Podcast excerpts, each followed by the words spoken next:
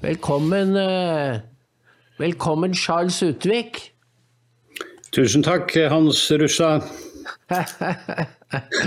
ja, vi har jo prata om dette her lenge, men nå har det blitt noe av. Du, ja, det er vel det. Ja, for du og jeg har begge en bakgrunn på venstresida. Altså ytre venstre. Det må vi kunne kalle det, vet du. Ja, eh, det... Men det, det, er jo ikke pent å si det, og de som var der, vil jo ikke vedkjenne seg at det var ytre venstre.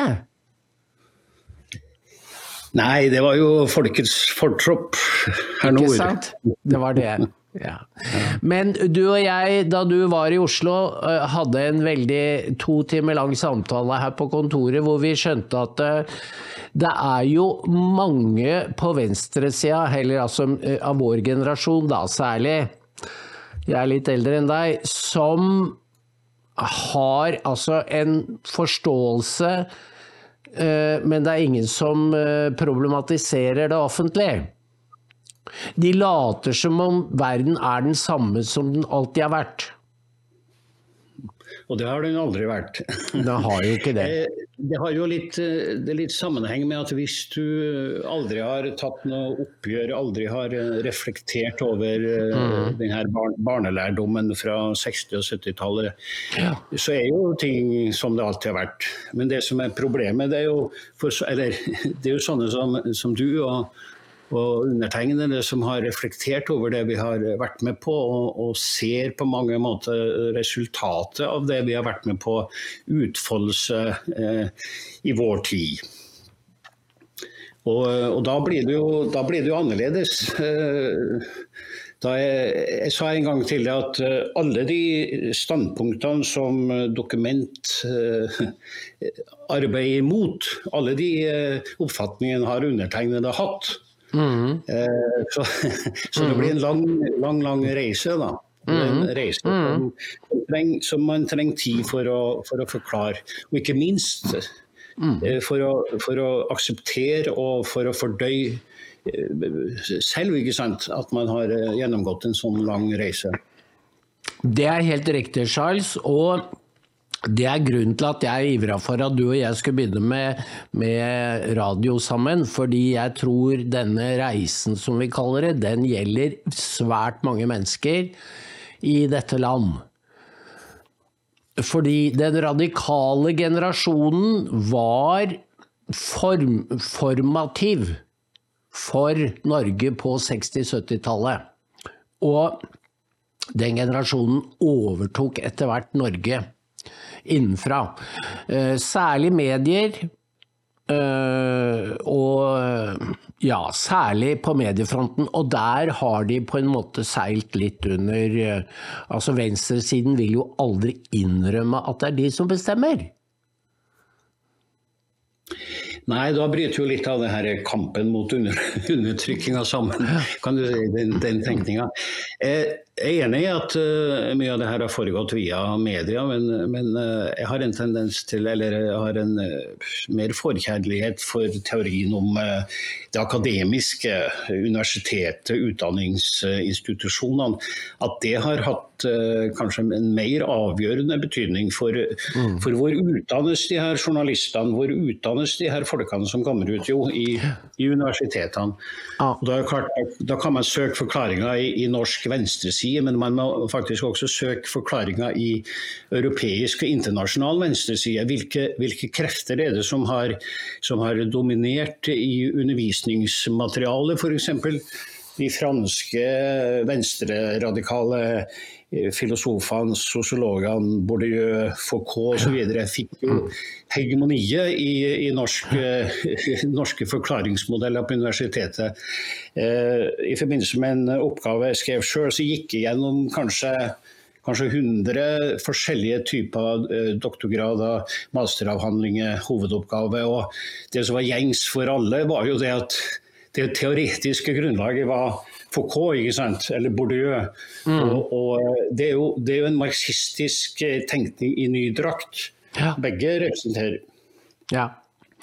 Dette var, var, bare en innledning eh, av Charles og meg og hva som er vårt prosjekt. Fordi, som sagt, hvis, du må ha en bakgrunn fra ytre venstre for å forstå hvilke strømninger vi snakker om. Det har jeg jo ofte merka når jeg snakker med folk som ikke har vært med på denne reisen, at de forstår ikke helt hva vi snakker om. Eh, nei, det, det, er klart det. For, for uh, vi ser det jo innenfra og utenfra samtidig. sånn at uh, de som bare har sett det utenfra, de ser jo ja, så der er det jo De har jo vært negative. og, og, og altså, Jeg treffer ennå folk som på en måte er hatefulle imot meg, som, som opplevde det på 60- og 70-tallet. Eh, så, så, de har jo òg på en måte eh, problemer da, med å forstå eh, det som foregår. Men, men, det har foregått like mye i, i, i deres verden. Altså, hvis du ser på Høyre f.eks. Eh, hva er Høyre i dag sammenlignet med Høyre for 50 år siden? Hvilke mm. verdier har Høyre i dag sammenlignet med 50 år siden, så har de også mm. noe, noe å undersøke. Ja. Og da, da, er vi litt over på det som er eh, dagens tema, og det er jo at det er veldig vanskelig å vite hva man snakker om, fordi ting ikke lenger er det det utgir seg for. Og det um, men, men, og folk har en slags nostalgi tilbake til hvordan, hvor ting, da, eh, da, ting var det det utga seg for. Og da vil, jeg, da vil jeg frem til Trond Giske. Eh, fordi det var jo et årsmøte i Trøndelag Arbeiderparti Eller var det Trondheim? Eh, Trondheim Arbeiderparti. Trondheim Arbeiderparti nå i helga. Og eh, der kom jo Trond Giske inn som eh, andre nestleder. Og ehm, så ser jeg da, og så lurer man jo på, fordi han nyter Han har ganske stor goodwill langt utover Arbeiderpartiet, fordi han da er i opposisjon til Støre og denne gjengen nede i Oslo. Mm, Kjersti Stenseng osv. Men så får, lurer man jo, så ser man hva er det de står for, og det er jo bare mer av det samme. Altså, det er den gamle sosialistiske politikken, samarbeidet med de som står til venstre for deg, fordi fienden står alltid til høyre. Um, og så er det å bruke Israel som syndebukk. Tro, tror du dette kom som en skuffelse på folk, eller? Eh, ja, kanskje. Man har eh, sett at Giske ble offer for et uh, bakholdsangrep i sin tid. For han sto i veien for de her kreftene som, som ønska å, ta fullstendig over i, i, eh, sentralt i Oslo, i Arbeiderpartiet. Eh, nå har det gått noen sånn nemesis i, i, frem og tilbake i mellomtida da, som, som eh, har ramma. Men, men, vi som kjenner Giske lenger tilbake, vi vet jo at han er, tilhører de her samme krefter. Det som er forskjell på Giske og, og de andre, det er at han var markant nei til EU. Eh, men han, eh, det er jo noe som også eh, samsvarer med å ha de her til venstre for seg som samarbeidspartner. For både SV og, Rødt er vel nei til EU, dem òg. Sånn at han er jo stue, stu, stueren der. Mm. Eh, og, og, og, Trondheim er jo en venstrebastion for eh, altså, Ta f.eks. LO i Trondheim har jo vært styrt nå i, i flere tiår av eh, erklærte marxist-leninistiske krefter. Eh, eh, så, så, og de har 21, eller hadde 21 000, kanskje nærmere 30 000 medlemmer i dag, hvis ikke de er blitt rammet av medlemsflukt. Eh, så, så, det er ingen overraskelse. Og det viktigste for Arbeiderpartiet den viktigste saken for Arbeiderpartiet det er ikke en, en konkret politisk sak. Det, det viktige har alltid vært å holde seg til makta, holde makta, mm. ta makta. Og Det er en strategi som han har her. Hvis han eh, skal ta makta, så må han jo samarbeide med de her eh, kreftene og tekkes de her kreftene. Mm. Men eh, da vil han ikke klare å bringe noe fornyelse inn i norsk partipolitikk. Nei, det er vel ingen som tror at en mann som han for så vidt han begynner å bli en eldre mann, og at han skal representere noe fornyelse. For øvrig så har jeg liten tro på noe sånn fornyelse innenfor det her eksisterende partiapparatet. Det er en slags eh, naivitet vi fortsatt har med oss, at vi tror vi skal reformere oss uh, gjennom de problemene vi har. Men det har jeg faktisk liten tro på. Det er ingen av de partiene som sitter på Stortinget som er i stand til å gjennomføre de her tiltakene som er nødvendige for å få kongeriket Norge på rett kjøl.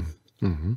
I det, I det, store bildet, i det store bildet så, altså, Hvis det kommer noen som, som har en politikk tilnærma det som, som, er i andre land rundt omkring i Europa, og ikke minst USA, da, så, vil jo, så vil det jo bli full krig. Nå mener jeg i overført betydning, selvfølgelig. Mm. Mm. Hva tenker du på da? Nei, altså vi, vi, hadde jo antydning på, på 80-90-tallet til, til, litt av det her gjennom eh, Carl I. Hagen. og det, Der det, ble det jo massiv eh, altså, eh, Man snakka om mediehetsen mot Donald Trump, og man snakka om alt var bedre før. altså Da var journalister journalister, er jo enkelte som hevda. Mens man ser på 80-90-tallets behandling av Carl I. Hagen, så, ja. så, er det jo bare en, en blåkopi av det som, som, skjer i dag. Når noen, noen, noen gjør forsøk på, på, å gjøre ting som ikke harmonerer med elitens tenkning. Mm, det er riktig, det. Eh, det var, det var en forsmak på det vi opplever i dag. Ja. Og det syns jeg Jeg, jeg sto på sida av Carl I. Hagen under et arrangement, ikke som eh, politiker, men som journalist, faktisk, på sida av talerstolen til Carl I. Hagen da han holdt en av sine berømte 1. mai-taler i Trondheim, for øvrig. Ja. Eh, han, altså, da så jeg faktisk både Antifa og BLM og hele gjengen i aktivitet her i byen allerede for 30 år siden hvis okay. Mm. altså, ja. Den, forsøker på kansellering, eh, det hatet, eh, den er forsøket på å stoppe ytringer som ikke var riktig osv. Mm. Det er den mm. politikken vi har fått mer og mer og mer av. Ja. Eh, forskjellen er bare at du hadde vel ikke sett for deg at Antifa skulle bli stormtroppene til Det demokratiske partiet i USA? Og Det er vel litt av det som nærmest er vanskelig å forstå. Det der at eh, USA av alle skulle, skulle bli det, det, det, det, landet hvor, hvor, de her kreftene faktisk kom til makta og fikk eh, altså, sette i gang en, en, en, en, revolusjon, faktisk. Som, det var nesten utenkelig. For det ble jo sett på som det verste av det verste og de mest ekstreme reaksjonære krefter av alle. Og så kommer det derfra. Det, det, tror jeg Og det er jo det som er interessant nå, at hele venstre, såkalte venstresida nå i Europa og Norge er jo blitt USA, eller vil si det sittende regimets beste venn. Ja. Og, ja. Men hvorfor tilbake Jeg bare slipper ikke Trond Giske helt. Fordi når jeg hadde, hadde, et lite ørlite håp eller forventning til ham, så er det fordi at hvis du er et politisk dyr, og det er Giske, så har du altså en teft Dette er som å være ei harabikkje, vet du, og du er på sporet, eh, hvor du lukter hvor Eh, motsetningene går i politikken. Og du skal være bra stokk døv for ikke å se at det er den amerikanske arbeiderklassen som står opp for Trump. Og han forfølger Og Det demokratiske partiet er blitt et folk for oligarker. Eller parti for oligarker. Det er alt det som sosialister har vært imot det er de nå forført til å være for. Men jeg mener, en smart fyr som Giske burde jo gjennomskue dette for lenge siden. Og se at de holder på å ødelegge rettssystemet i USA. Men, men, det er mulig jeg har vært for godtroende, og at han ikke Kanskje han ser det, men ikke tør å si det. For det er jo også Man blir en gissel for sin egen politikk. Hva tror du? Nei, Jeg har ikke den store troa på at han uh, verken ser det eller at han uh, kommer til å forfekte Jeg tror han er en uh, altså, Jeg kjenner jo litt tilbake i tida, altså fra 80-tallet. Altså, det var to stjerner i Norge. Det ene var Giske, som hadde sin, sitt hoff her i Trondheim. Og så hadde Stoltenberg, som hadde sitt hoff i, i hovedstaden. ikke sant? De to var jo de to som på en måte var 'coming star'. Eh, og etter alle solemerker så hadde jo Giske eh, blitt eh, leder for Arbeiderpartiet hvis han har fulgt det vanlige skriptet, men, men, der skjedde jo ting. ikke sant? Så den ene er blitt generalsekretær i Nato, den andre er blitt forvist til indre eksil i, i, Trondheim. Nei, altså, Hvis han har tenkt å komme tilbake, så tror jeg han satser på en venstrestrategi. Ja. Rødt inne i regjering. Eh, han er i pakt med de her mest radikale eh, trondhjemske ideene. og jeg tror han ser på seg at han skal, at han skal gjøre en, eh, en, Martin Tranmæl. Altså, det, det, forstår du, ikke sant? Fagopposisjonen 1911 tilbake, erober partiet fra Trondheim. Mm. Kanskje. Men eh, han var jo på vei her for eh, to-tre år siden. Da satt jo de her kreftene eh, foten for, altså, foran han, sånn at han, han lå i an faktisk til å bli leder, kunne bli leder av Trøndelag Arbeiderparti for tre-fire år tilbake.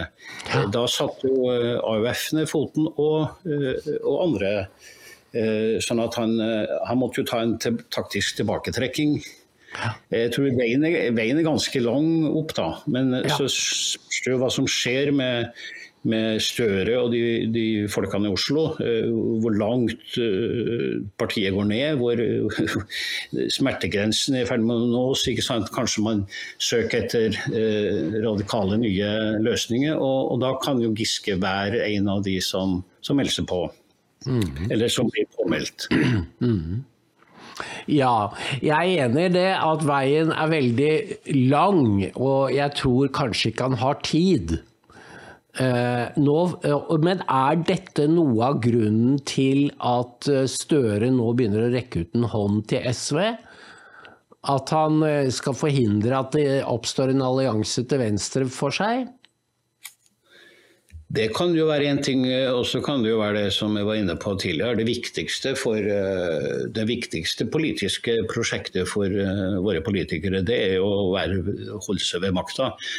Og, eh, og sånn, har, sånn, har, jo Arbeiderpartiet for så vidt alltid gjort. at Man har hatt en en, en, om ikke en kontrollert, så i hvert fall en kontrollerbar opposisjon til, til venstre for seg, som hele tida har vært med helt siden Finn Gustavsen prøvde seg på en liten sånn sidestepp på 60-tallet. Så har jo SV hele tida vært garanti for Arbeiderpartiets regjeringsmakt. Eh, også vært med i det. Det som var eh, Støre eller, eller Arbeiderpartiets taktiske grep, var jo å ta en av dem som tradisjonelt har vært i, på borgerlig side, og så konvertere det til, eh, til mm. støttepartiene med Senterpartiet. Eh, de prøvde jo på en del andre tidligere, hvis du husker det. Både Kristelig Folkeparti og ikke minst Venstre var jo utsatt for, for mm. flørt. Vi husker jo, og det var for øvrig også en, en trondhjemmer som var leder for Venstre den gangen, eh, Odd Einar Dørum. Han var jo sågar kledd ut i, i brudedrakt, og så foregrep det her transegreia allerede på 80-tallet. Oh. I, I, en valgplakat eh, foran studentvalget. Mm -hmm. eh, jeg vet ikke om du husker det? Eh. Det var liksom han frid til Arbeiderpartiet var, var, oh. var eh, så Venstre prøvde jo ikke sant? De prøvde jo med Venstre mm. som støtteparti. Så, så Både Kristelig Folkeparti og Venstre har vært prøvd, men eh, de endte opp med Senterpartiet. Da. og Når man har eh, Rødt og SV og Senterpartiet, så har man jo en, en flora som kan bidra. Eh, og det, det, ser du jo. Vi har jo ligget og vippa lenge mellom mellom såkalt borgerlig og sosialistisk 50-50 så lenge jeg kan huske. Ja. Selv om Arbeiderpartiet har gått nedover. Ja, og det, det, såkalt borgerlige har ikke noe borgerlig innhold. Eh, men der det det, mediene er interessert i at velgerne skal tro at det er to alternativ. Eh, legg merke til at de du nevner der, Kristelig Folkeparti, Venstre, er jo det blir aldri problematisert eller diskutert hva de står for og hvilken reise de har eh, foretatt. Fordi Kristelig Folkeparti de blir jo for, for ros hvis de beveger seg mot eh, den politiske korrekthetens eh, målsetninger og oppgir troen på eh, kristendommen og blir progressive. Venstre har da fått lov til å bli det KrF ikke helt klarer, nemlig et liberalt, progressivt parti på borgerlig side. Eh, men, der, men, du får ikke noe diskusjon om at de forener uh, uforenlige mål. Altså fordi det er um, uforenlig å være for frihet samtidig som du er mot, er intolerant på den andre siden. Altså den grenseløse toleransen som Venstre står for, med surrogati og narkotikapolitikk, samtidig som det er det mest krigshisserske partiet på Stortinget, det er ganske godt gjort. Men det, men det, er jo ingen som vil kritisere Guri Melby eller Abid Raja for å, å være ri mange hester. Eh, Venstre er jo blitt eh, nemlig slags altså Det er jo uh, California-demokratene, for å si det sånn. Eh, med, ja, med, der er det jo, det er jo I USA det er jo en kampsak å legalisere cannabis. Og det er vel legalisert i ganske mange stater etter hvert. da. San Francisco var jo denne eh, liberalismens hovedstad i, på 60-70-tallet. Mm. Uh, hippiebevegelsen ikke sant, og alt det der. Så det er ingen Men, men venstresida, venstresida. Eh, hvis man går tilbake til eh, det, altså Min eh, første bevisste handling på en måte var å delta i en studiesirkel i Unge, Unge Venstre oh. 1971. 1971. Og mye av det som man kjenner igjen i Miljøpartiet De Grønne, det var allerede oppe der og da. Altså det var en slags, Man skifta jo logo til, til grønn, ikke sant. Og, og, det skulle liksom være Miljøpartiet. da. Uh, og, og, det samme skjedde jo delvis innenfor SV. så eh, Skal du huske Hartvig Sætra og populismen? Jo. Jo. Ja. Det var jo også starten på det her, på det her grønne. ikke sant? Så de har ja. noe felles tankegods som går tilbake til den tida. Eh, både SV og Jeg har alltid sett på, på Venstre som, eh, som bor, den, den, borgerlige sidas SV, hvis du forstår? Eh, ja, ja, ja. ja. Mm. Eh, alt unntatt sosialismen, på en måte. Så er det det samme. Eh, ja. Og, og, og, de er jo også kanskje de mest konsekvente globalistiske partiene i, i Norge. Det blir kanskje Venstre og, og SV. Så de har likhetstrekk. Og når det gjelder venstresida, sånn som vi kjenner den, så, så betrakter jeg egentlig den som død. Uh, og, og, eh, du kan si I, Nord-Europa, Norge, Tyskland, Danmark, Sverige, så har jo det her sosialdemokratiet overlevd. Og, og England, for så vidt. Men hvis du ser ellers i, i, i Europa, f.eks. Frankrike, så vet vi det at eh, mm. det sosialdemokratiske prosjektet er jo, er jo helt dødt. Ja. Altså det, det, var det 6-7 eller noe sånt, altså mine ja. parti. Mm. For øvrig den veien vi er på vei i Norge òg. Altså, et Arbeiderparti under 20% er jo altså Arbeiderpartiets styrke er jo å være stor. Ja. Eh, har jo vært stor, ikke sant? og De har jo bygd opp gjennom LO, også den tvillinggreia. at man, Til tross for at man kontrollerer Norges største arbeidstakerorganisasjon og, og, og eh, altså, alt som finnes av påvirkning, eh, så klarer man ikke å være større enn 18-20 Det er jo egentlig et, helt utrolig. Det er jo mm. godt gjort. Mm.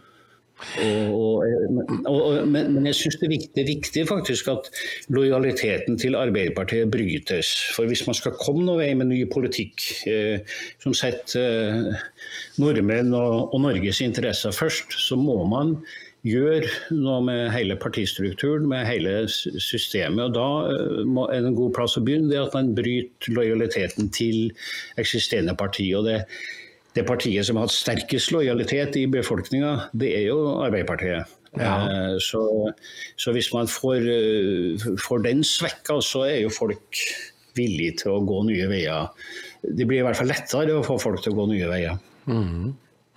Men de vil jo sikkert si at de ikke har noe alternativ foreløpig, da, Charles. Fordi Høyre, de som har kommet så langt på denne erkjennelsesveien som du beskriver her, at det går opp for dem at det er et stortingsparti som det er bare sjatteringer av det samme de, de, vil jo ikke gå fra Støre til Erna, selv om meningsmålingene forteller at de gjør det. De vil begynne å se seg om etter noe helt annet. Og det er det jo ikke så mye tegn til foreløpig. At de har tør... Nei.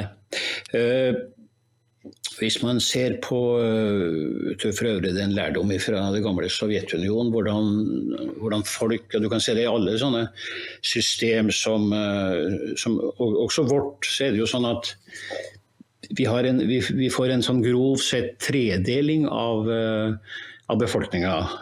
Den store store tredelen, altså ikke en tredjedel, men den store, store gruppen er folk flest som forholder seg relativt passiv noen kaller det saueflokken, så langt vil det ikke gå, da, men eh, det blir i hvert fall, de, de lever sine liv. Man, man, eh, man uh, har familie, og det, det, er helt naturlig. Det er jo derfor vi kommer hit, det er jo for å leve våre liv på en god måte. ikke sant? Og ikke drive og velge mellom Støre og Erna Solberg. Det er jo ikke det som er, som er meninga med livet. Mm. Og, så for, og, så har du en tredel der som, som, som i tykt og tynt slutta opp om, om regimet, systemet osv. Og, så og, og så har du en liten liten kritisk eh, tredel, sånn som du f.eks. Mm. Eh, det, det, altså, du, må, du, må, finne i at i lang tid så er du relativt ensom. Men det er når ting skjer ellers, ytre krefter som blir beveger eh, ting, så kan ting skje plutselig over natta. Vi, vi så det i, i Øst-Europa da regimet falt. Mm vi så det at altså, I løpet av noen få timer så, så, så, så skjer endringer. ikke sant? Eh, sånn, sånn, må vi tenke. Eh, på 80-tallet var jeg i, eh, i, Polen og var så heldig og fikk besøke illegale ledere av Solidaritet. og Det så, det så meget svart ut. Meget svart ut. 1986. Meget svart ut. Det var unntakstilstand. Folk eh, turte ikke å si hva de mente, ikke sant, osv. osv. Eh, de ble vokta på. Eh, lederne var mer eller mindre under jorda eller i fengsel. ikke sant. Så, så går det fire-fem år, så er ting totalt annerledes. Ja. På grunn av at altså, det der er, Tida må jobbe. Ja, det, det må det. Og de som eh, blir mismodige og, eh, eller apatiske, eh, forstår ikke at våre samfunn nå er så sprengfulle av motsetninger at det er ingen som har kontroll, og langt mindre kan spå om fremtiden. Fordi det fins så mange ulike scenarioer for hva som kan skje. Mm, mm. Det er jo eh, Jeg sa for eh, Rent retorisk for noen dager siden så sa jeg hvis, hvis du går tilbake til 1940, eller i hvert fall andre verdenskrig, og så ser du jøde og russer, eh, så er det vel ingenting som er mer Hvis du går tilbake til i dag, så er det vel ingenting som er mer negativt omtalt i norsk medie Eh, som jøde og russer, samme som 1940. Eh, hvis du tar det her fugleperspektivet og unnlater å se på hvilke krefter de og hva de kaller seg, sånn, så er det jo faktisk nøyaktig samme situasjon som vi var i for, eh, på den tida. Det er liksom fiender nummer, nummer én og to i, i, i tenkninga til eliten i Norge. Og det er jo skremmende, for det, det, det, det vitner jo om en en tid der vi må være forberedt på at hva som helst kan skje. ikke sant? Uh, uh, en krigstid, en tid der det kan bli krig. Ja. Uh, ja. Ja. Og, Men, og, det som skjer, det er jo istedenfor å uh, fortelle om krigens alvor, så har du primitiv krigshissing i, i, i den norske offentligheten, i, i norsk, uh, norsk avis, TV, radio osv. Mm. Det er krigshissing som om det er en, en slags fotballkamp man skal overhøre ja, hvis det blir alvor. Ja. Fordi det er en mangel på alvor i den krigshissinga som og i hetsen mot Israel. Eh, jeg føler ikke at det er eh, fundert på Aldeles ikke på kunnskap. Så de kan jo Tror du de kan skifte standpunkt hvis noe dramatisk skjer? Altså Fordi denne hetsen mot Russland Eh, denne At man omfavner propagandaen fra Washington og, og er mikrofonstativ for den. Det ligger jo ingen overbevisning bak, Charles. Det er du kan ikke gå dem på klingen, for det de gjengir, er det Altså, det står på så vaklevorne føtter. Eh, de bygger på sand. Ja, men de bygger opp på følelser, og, og det er sterke, sterke greier. Eh, altså det, det, det, er jo piska opp et, et altså er det, noe, altså det hatet, det, det følelsesmessige altså det, er jo, det, er jo, sånn man opererer i, i totalitære regimer. Det er jo å piske opp stemninga. Eh, og vi har jo begynt å gjøre litt av det samme i, i vår del av verden. Som ja. tradisjonelt sett har vært sett på som demokratisk. Så pisker vi opp stemninga. Ja. Eh, og, og, man kan gå lenger og lenger. altså den her Beslaglegging f.eks. av eh, privatpersoners eiendom. Det, og, ja, det minner òg om noe, den perioden ja. innom i sted. Så, eh, eh, men én ting er sikkert. Eh, det er jo det Alfa Jacobsen er jo medarbeider i denne kanalen. og han har jo skrevet mange meget gode bøker. Og 'Kongens sneig', f.eks. Så, så, så hvordan dem som da satt og styrte Norge, bryter sammen i gråt ikke sant? når alvoret banker på døra. Ja. Skal ikke se bort fra at det skjer litt av det samme i dag. At det blir hysteriske gråt, gråtetokter på denne gjengen som, som har satt og hissa til krig. Mm. Det... Hvis, hvis, alvoret, hvis, alvoret, eller hvis det skjer, og hvis alvor går opp for dem, ja. Hvis det skjer noe katastrofalt, så tror jeg de kommer til å falle sammen som et korthus. Ja. Mm. Det, det, mangler på substans der. Altså, ja. de, ikke, ikke, tror de på noe, ikke vil de noe, ikke ønsker de noe. De, mm. de ønsker sin egen vellykkethet, og det, ja. det er lite å bygge på. Det er sandgrunn, som du sa. Ja. Det er det. Så jeg føler jo at eh, vi står på veldig solid grunn, fordi det eh, Måten vi har eh, rykket frem på er ved å hele tiden Altså det er jo som å bygge en, en, en bru Eller legge en, et spor. Du må ha et fundament før du kan kjøre videre. Du kan ikke bevege deg ute i villmarka, og da synker du ned i myra.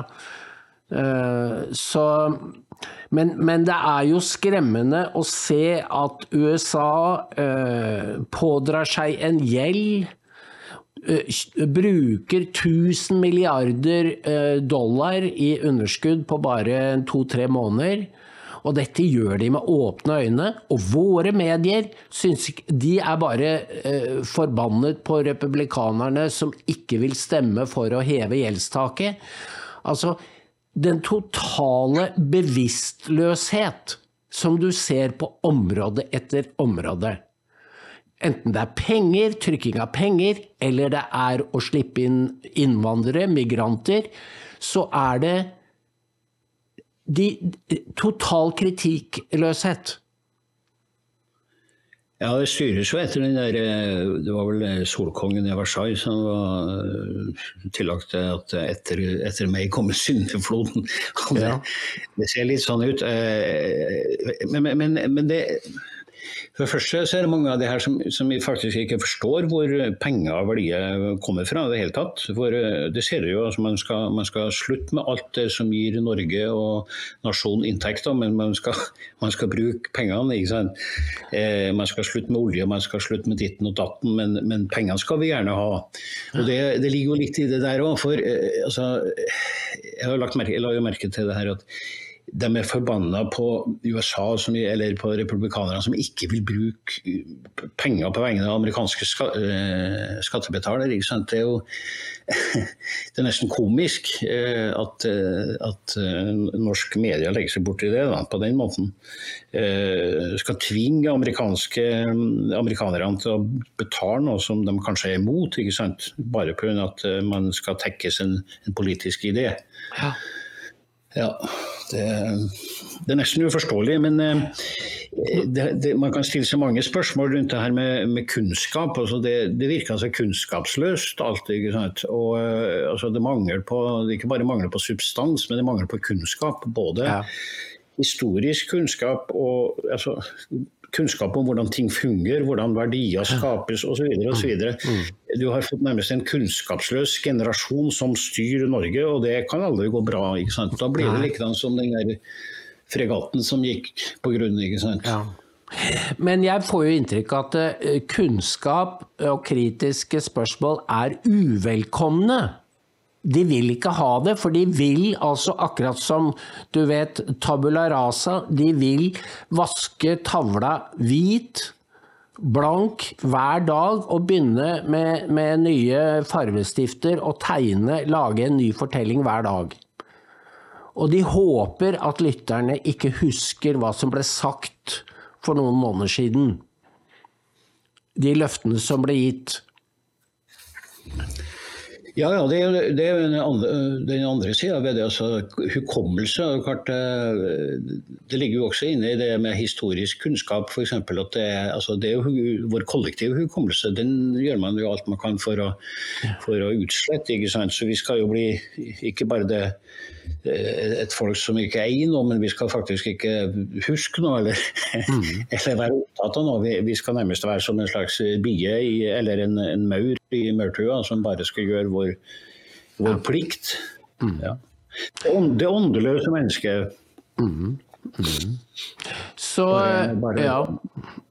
Og jeg må si at uh, dette året, da, 2024, blir et merkeår.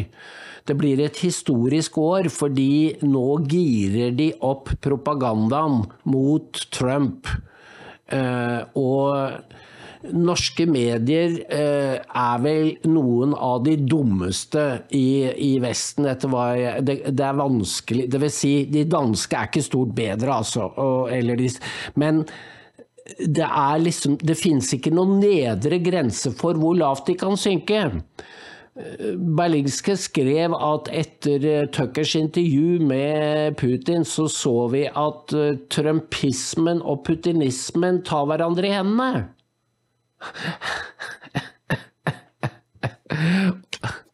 Og da vet du liksom det har jo vært hovedstrategien å knytte uh, Trump opp mot uh, Putin. Det har jo vært, det, det dukka jo opp allerede. Vi vet jo det 1915, 19, nei, 20, ja. 1915, 2015, 2016, mm. uh, Russiagate, hele, hele, pakken. Det var jo å diskreditere Trump med akkurat det. Ja. folk, men folk syns jo det er latterlig. For jeg husker jo den her, han, han, Trump var vel borte i var det Helsinki, og så hadde han et Eller ja. var det Leningrad? Eller, eller St. Petersburg. Han fikk i hvert fall Mm. Han fikk en fotball ikke sant? Fra, mm. fra Putin for det var noe fotball-VM eller noe sånt. Da. Og den ble vel av de eh, altså, undersøkt eh, om det var noe hemmelig kommunikasjon mellom, mellom Putin og Trump ikke sant, i den fotballen. Så uh, altså, det er nærmest som et slags eventyr. Mm. Men, men, mange har gått på det. Mange har gått på det. Og jeg så en sånn eh, gallup som ble gjort av det var nettavisa her. Eh, så var det faktisk en 8-9 eh, som var på en måte tilhengere av Trump da, i, i, Norge, ifølge den undersøkelsen.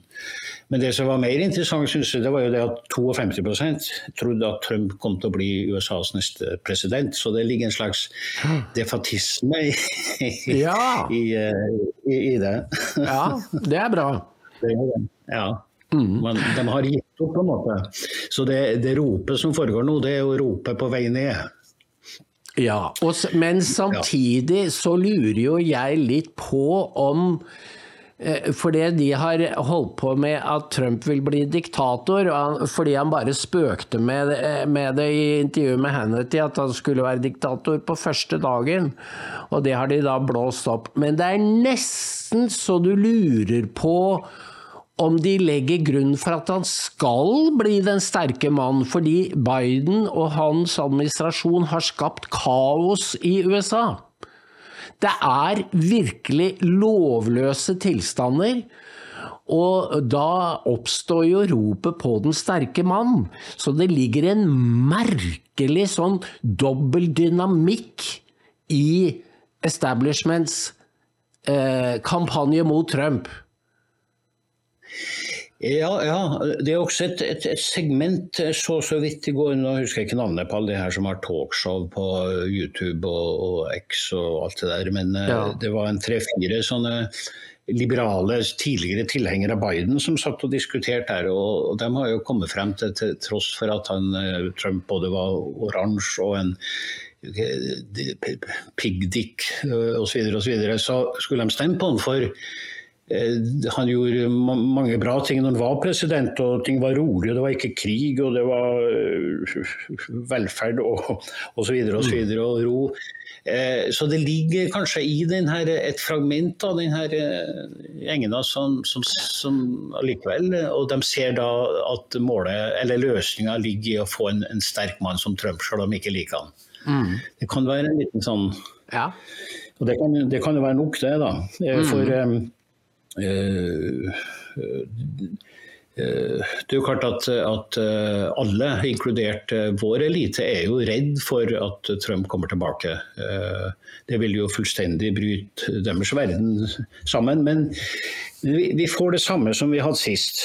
Vi får det samme som vi hadde sist. Og da var det side opp og side ned hver dag i NRK og i VG og i Dagsavisen og i Nettavisen Vi får, den, vi får det samme bare negativt. Men samt, samtidig, Charles, jeg er ikke så sikker på det. Fordi altså, norske medier kan godt finne på det. Men, eh, fordi, hvis du, men hvis du ser på kvaliteten av det i hvert fall jeg fanger opp, Eirik Løkke som ekspert i NRK, Tove Bjørgaas, Anders Tvegård og disse andre, Helmar eh, han Mjelde i Bergen og disse her, det er på et så eh, lavt nivå at du, du klarer ikke helt å ta det alvorlig. Og mens så de har ikke noe å stille opp hvis ting endrer seg i USA. Og det tror jeg det vil, fordi den grabbafonplata, altså Ta bare en sånn som Rachel Maddow på MSNBC. Hun holdt jo på å kjøre på Russiagate helt, selv etter at det var totally debunked, som det heter. Um, og, og um, disse kan ikke kjøre samme grammofonplata en gang til. Hvis Trump kommer tilbake og skaper fred i Ukraina og roer ned uh, situasjonen rundt Taiwan, så kan de ikke angripe han på den måten de gjorde sist. Fordi USA begynner å bli lovløst, kaotisk. Det er på tendens eh, eh, Det går og beveger seg mot en narco-state. Fordi kartellene mye, de er til stede i alle 50 delstater. Og dette er amerikanere, altså de som er, har ressurser, de er klar over det. De ønsker ikke at USA skal bli som Venezuela. Det er det bare noen få som vil. Ja, ja. Det, det, er klart. Og jeg har uh, stor tro på at Trump kommer til å vinne valget i november. Hvis det går riktig for seg. Uh, hvis uh, det ikke foretas noe drastisk mot den. Men, men, det kommer til å bli ganske hett fram til den tid. Det er helt overbevist om at de har, ikke, de har ikke brukt den siste kula, for å si det i overført betydning. Det, det er mange, mange ting som kommer til å og prøves på. Og Det er ikke bare det rettssakene. så Det er mange, mange, mange ting. så jeg tror Man skal være forberedt på det at uh, de kommer ikke til å gi seg uten uh, sverdslag. det, det, det, er helt overbevist om. Og Det kan være, det skje ting som også gjør at uh, tilhengere kommer til å miste trua, eller å vende seg bort. Man må være forberedt på en hard camp to the bitter end, for å si det sånn.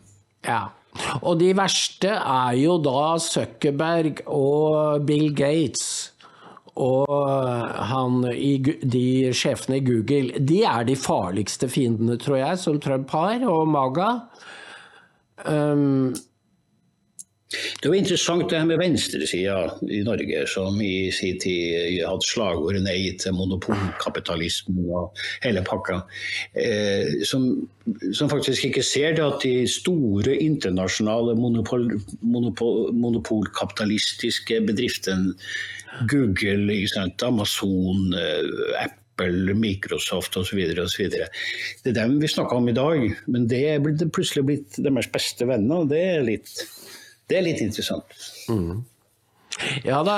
Eh, så... Det, er jo dem som, det er dem som representerer storkapitalen, og det er jo dem som har fått fordobla sin, eh, sin, sin, formue i løpet av mm. de fem siste årene. Det er jo faktisk denne gjengen, ikke sant. Mm som bruker sin, sin, sine midler for å angripe befolkninga i, i, i, verden. Eh, både på demokratiske rettigheter, på rettigheter knytta til helse osv. Eh, ytringsfrihet. Og jeg tror at uh, når det går opp Eller når venstresiden ikke klarer å være mot strømranet og samtidig være mot disse oligarkselskapene du beskriver der, så er det klart at da har de så liten te svak tenkeevne at de vil ikke få noe oppslutning. Fordi eh, den, en vanlig oppvakt borger har jo for lengst forstått uh, hva disse selskapene står for. Og de er Ja. Mm. Så det sier venstresida i den tradisjonelle forstand er død, ikke sant. Uh, but it's one way down. Uh, det er klart at det er ingen framtid for dem som, som venstreside å ha, denne, ha, det her som basis. Det er klart det fungerer ikke. Og Det samme er jo det her med å istedenfor uh, det arbeidende folk, istedenfor uh, slites folk osv. Så, videre, så, er det blitt woke-ideologien der det om å fragmentere befolkninga så mye som overhodet mulig i undertrykte minoriteter. Ikke sant? Det er jo det som er i, i, i bunnen for den her nye venstre tenkninga. For øvrig ikke bare Venstre, men også hele Stortingspartiet har jo det som ideologisk grunnlag. Mm.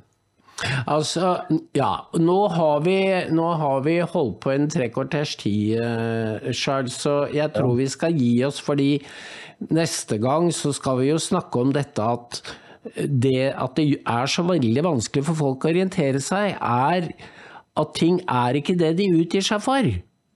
Altså, det er som å se en, på, på, en tryllekunstner på scenen og som avleder oppmerksomheten Eh, så du ikke ser hvilke triks han i virkeligheten gjør. Og sånn er jo politikken blitt. Det er blitt triks. Og ja. Eh, så det vi gjør i disse samtalene, er jo til å få folk til å se tilbake, hvor de kom fra, hva, hvordan Norge ble til, hva som er vår historie. Og det er jo det vi må Vi må bygge en bru til nåtida og for å kunne skape en fremtid.